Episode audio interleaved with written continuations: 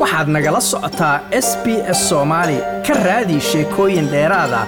s b s com au xariijin soomaali ustaad cumar maxamuud dholowa adigoo arrimaha siyaasadda aada oo la socda aqoon-yahana ah doorashada xasan sheekh maxamuud la doortay sideed ra'yigaaga u aragtaa wallaahi waxaan qabaa in ay wax badan bedeli karto inuu wax ka qaban karo waxyaalihii cakirnaa oo adkeynayey ama laga eed sheeganayay dhinaca maamulka. Wuxuu ahaa madaxweyne hore wuxuu ahaa nin waddanka joogay wuxuu ahaa nin aqoon leh wuxuu yahay nin aqoon leh. Waxaan filayaa inuu dareemi karay ama la socday meelaha wax ka khariban yihiin uuna awoodi karo inuu meelahaas wax ka qabto. Si arrintu ay uga soo degto meeshii ay taagneedu akarayd walaa waxaan filayaa dee siduu yiriba markii ay labadooda islaamayeen isu yimaadeen wuxuu wuxuu waan sheegay in wixii dhacay halkaa ay ku dhammaanayaan. Day sunna la furan doono oo dabagal iyo maaragtay isxasaradayna ayan dhici doonin waxaana qabaa inuu khibrad u leeyahay xaaladahan siyaasadda oo soomaaliya ka cakirma maraha mararka qaarkood inuu garan karo sida loo xaliyo maadaama uu waktiyadii adkaa wakti kamida soo maray. Tuu maanta la wareegay way ka duwan tahay. Tii maalinta hore uu la wareegay waddanku soo ahaa marka la siiyo guud ahaan waxaan filayaa marka haddii aan wax kale dhicin inuu at least in the next few months seven months ay waddanku uu stable noqonayo ama xasilooni ka imanayso. Intaa kadibna haddii isaga iyo dadnimadiisa iyo raganimadiisa qaabka uu xumaarayo wixii ciladaa oo soo baxa wallaahi waxaan qabaa in dadku waxay ka cabanayeen dhinaca cadaaladda in meelo badan wax ka khariban yihiin. Dad badan la laayay aan la aqoon waxa dilay. Laysku eedeynayo qoloba qolo ku eedeynayso arrintaas xal loo helo iyada oo laga fogaanayo xalka laftigiisu inuusan raadinta laftiyoodu inaanay shiddo keenin. Iyo wixii kaleo dee siyaasad guud oo waddanku u baahan yahay jahayntiisa dhinaca dhaqaalaha dhinaca amniga dhinaca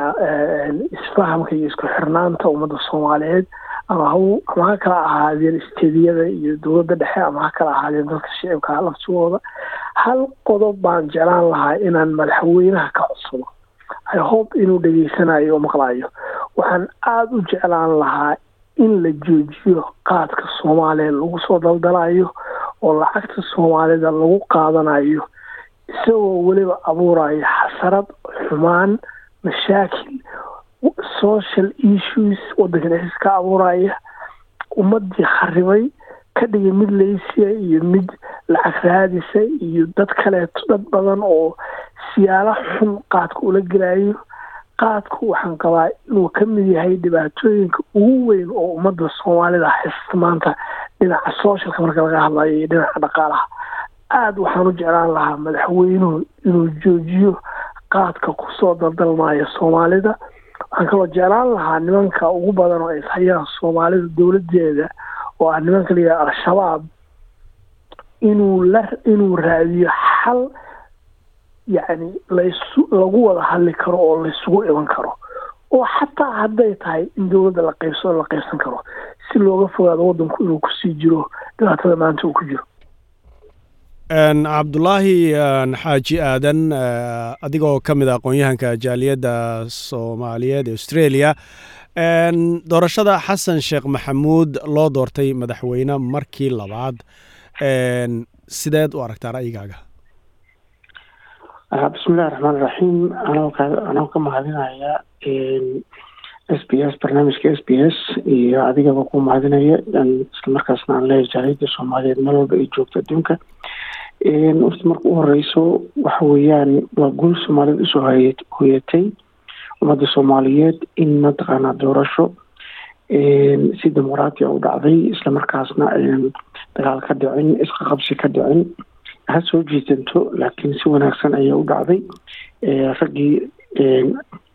laga badiyeyna waxay gacan qaadeen madaxweynihii badiyey marka doorashada waxaan arkaa successful hadduu ilaahayraa waa su'aal wanaagsan. Waxaan u malaynayaa aragtideyda aniga waxa weeyaan madaxweynaha afar sano ayuu hore u soo maray. Markii horena wuxuu ka shaqeyn jiray waxa la yidhahda c r d oo ummadda soomaaliyeed la shaqeyn jiray waktigii dagaaladii. Khibrad weyn ayuu hadda leeyahay oo hogaamin ahaan iyo maamul ahaan. Marka waxaan ka filanaynaa afartan sano. Hoggaan mataqaanaa khibrad leh hoggaan weliba ku soo aaday wakti ciidamada aada loo dhisay oo madaxweynihii ka horreeyay isaga mudane cabdulaahi farmaajo maxamed cabdulaahi farmaajo uu soo dhisay ciidamada qalabka soo dhisay. Marka waxaan rajeyneynaa in meeshii uu soo gaarsiiyey madaxweynihii isaga ka horreeyey uu ka sii ambaqaado oo uu ka sii wadiyo waxyaalaha ugu muhiimsanna waxa weeyaan mataqaanaa nabadgelyada isgaarsiinta mataqaanaa gaadiidka isfurnaansha ganacsiga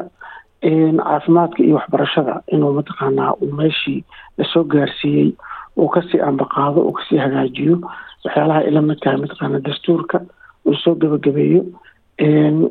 maamulada gobollada kala duwan oo isku soo dhaweeyo isku xiro. Marka waxaan ka rajeyneynaa khibraddii uu markii horeeto uu ku soo maray iyo khibraddii uu ka dhaxlay intii uu ahaa mataqaanaa mucaaradka ahaa in mataqaanaa ay wax weyn tarto ummadda soomaaliyeed. Aada iyo aad waxa weeyaan marka ugu horreysa waxaan kaaga mahadinaya su'aashaas. Waxa weeyaan waxa ugu muhiimsan horta nabadgelyada dalalka isdhaafka gobollada kala duwan hadda gaadiid ka bixi kara ma jira magaalada muqdisho oo tegi kara baydhabo diyaaradaha lagu tagaa gaadiid ka tegi kara magaalada muqdisho oo kismaayo tegi kara ama beledweyne tegi kara ama tegi kara mataqaanaa gaalkacyo. Marka tan ugu horeysa waxa weeyaan inuu xaqiijiyo ama hala heshiiyo ama ha ka awood badiyo ama mataqaanaa si uu rabaa ha yeele in horta marka ugu horeysa xalka al-shabaab uu meel dhigo talabaadna in uu mataqaanaa yacni burburka wadooyinkan ilaa iyo soddon sano iyo wax la jiraan soo gaaray inuu wax ka qabto gaadiidkii si mataqaanaa ganacsatadii beeraleyda ahayd ee shabeellada hoose iyo jubbada hoose iyo jubbada dhexe inay ganacsigoodii keensan karaan magaalooyinka kaleeto sida beledweyne iyo baydhabo iyo meel walba ay geen karaan. Marka waxyaalaha ugu muhiimsan aniga aan arko waxaa weeyaan nabadgelyada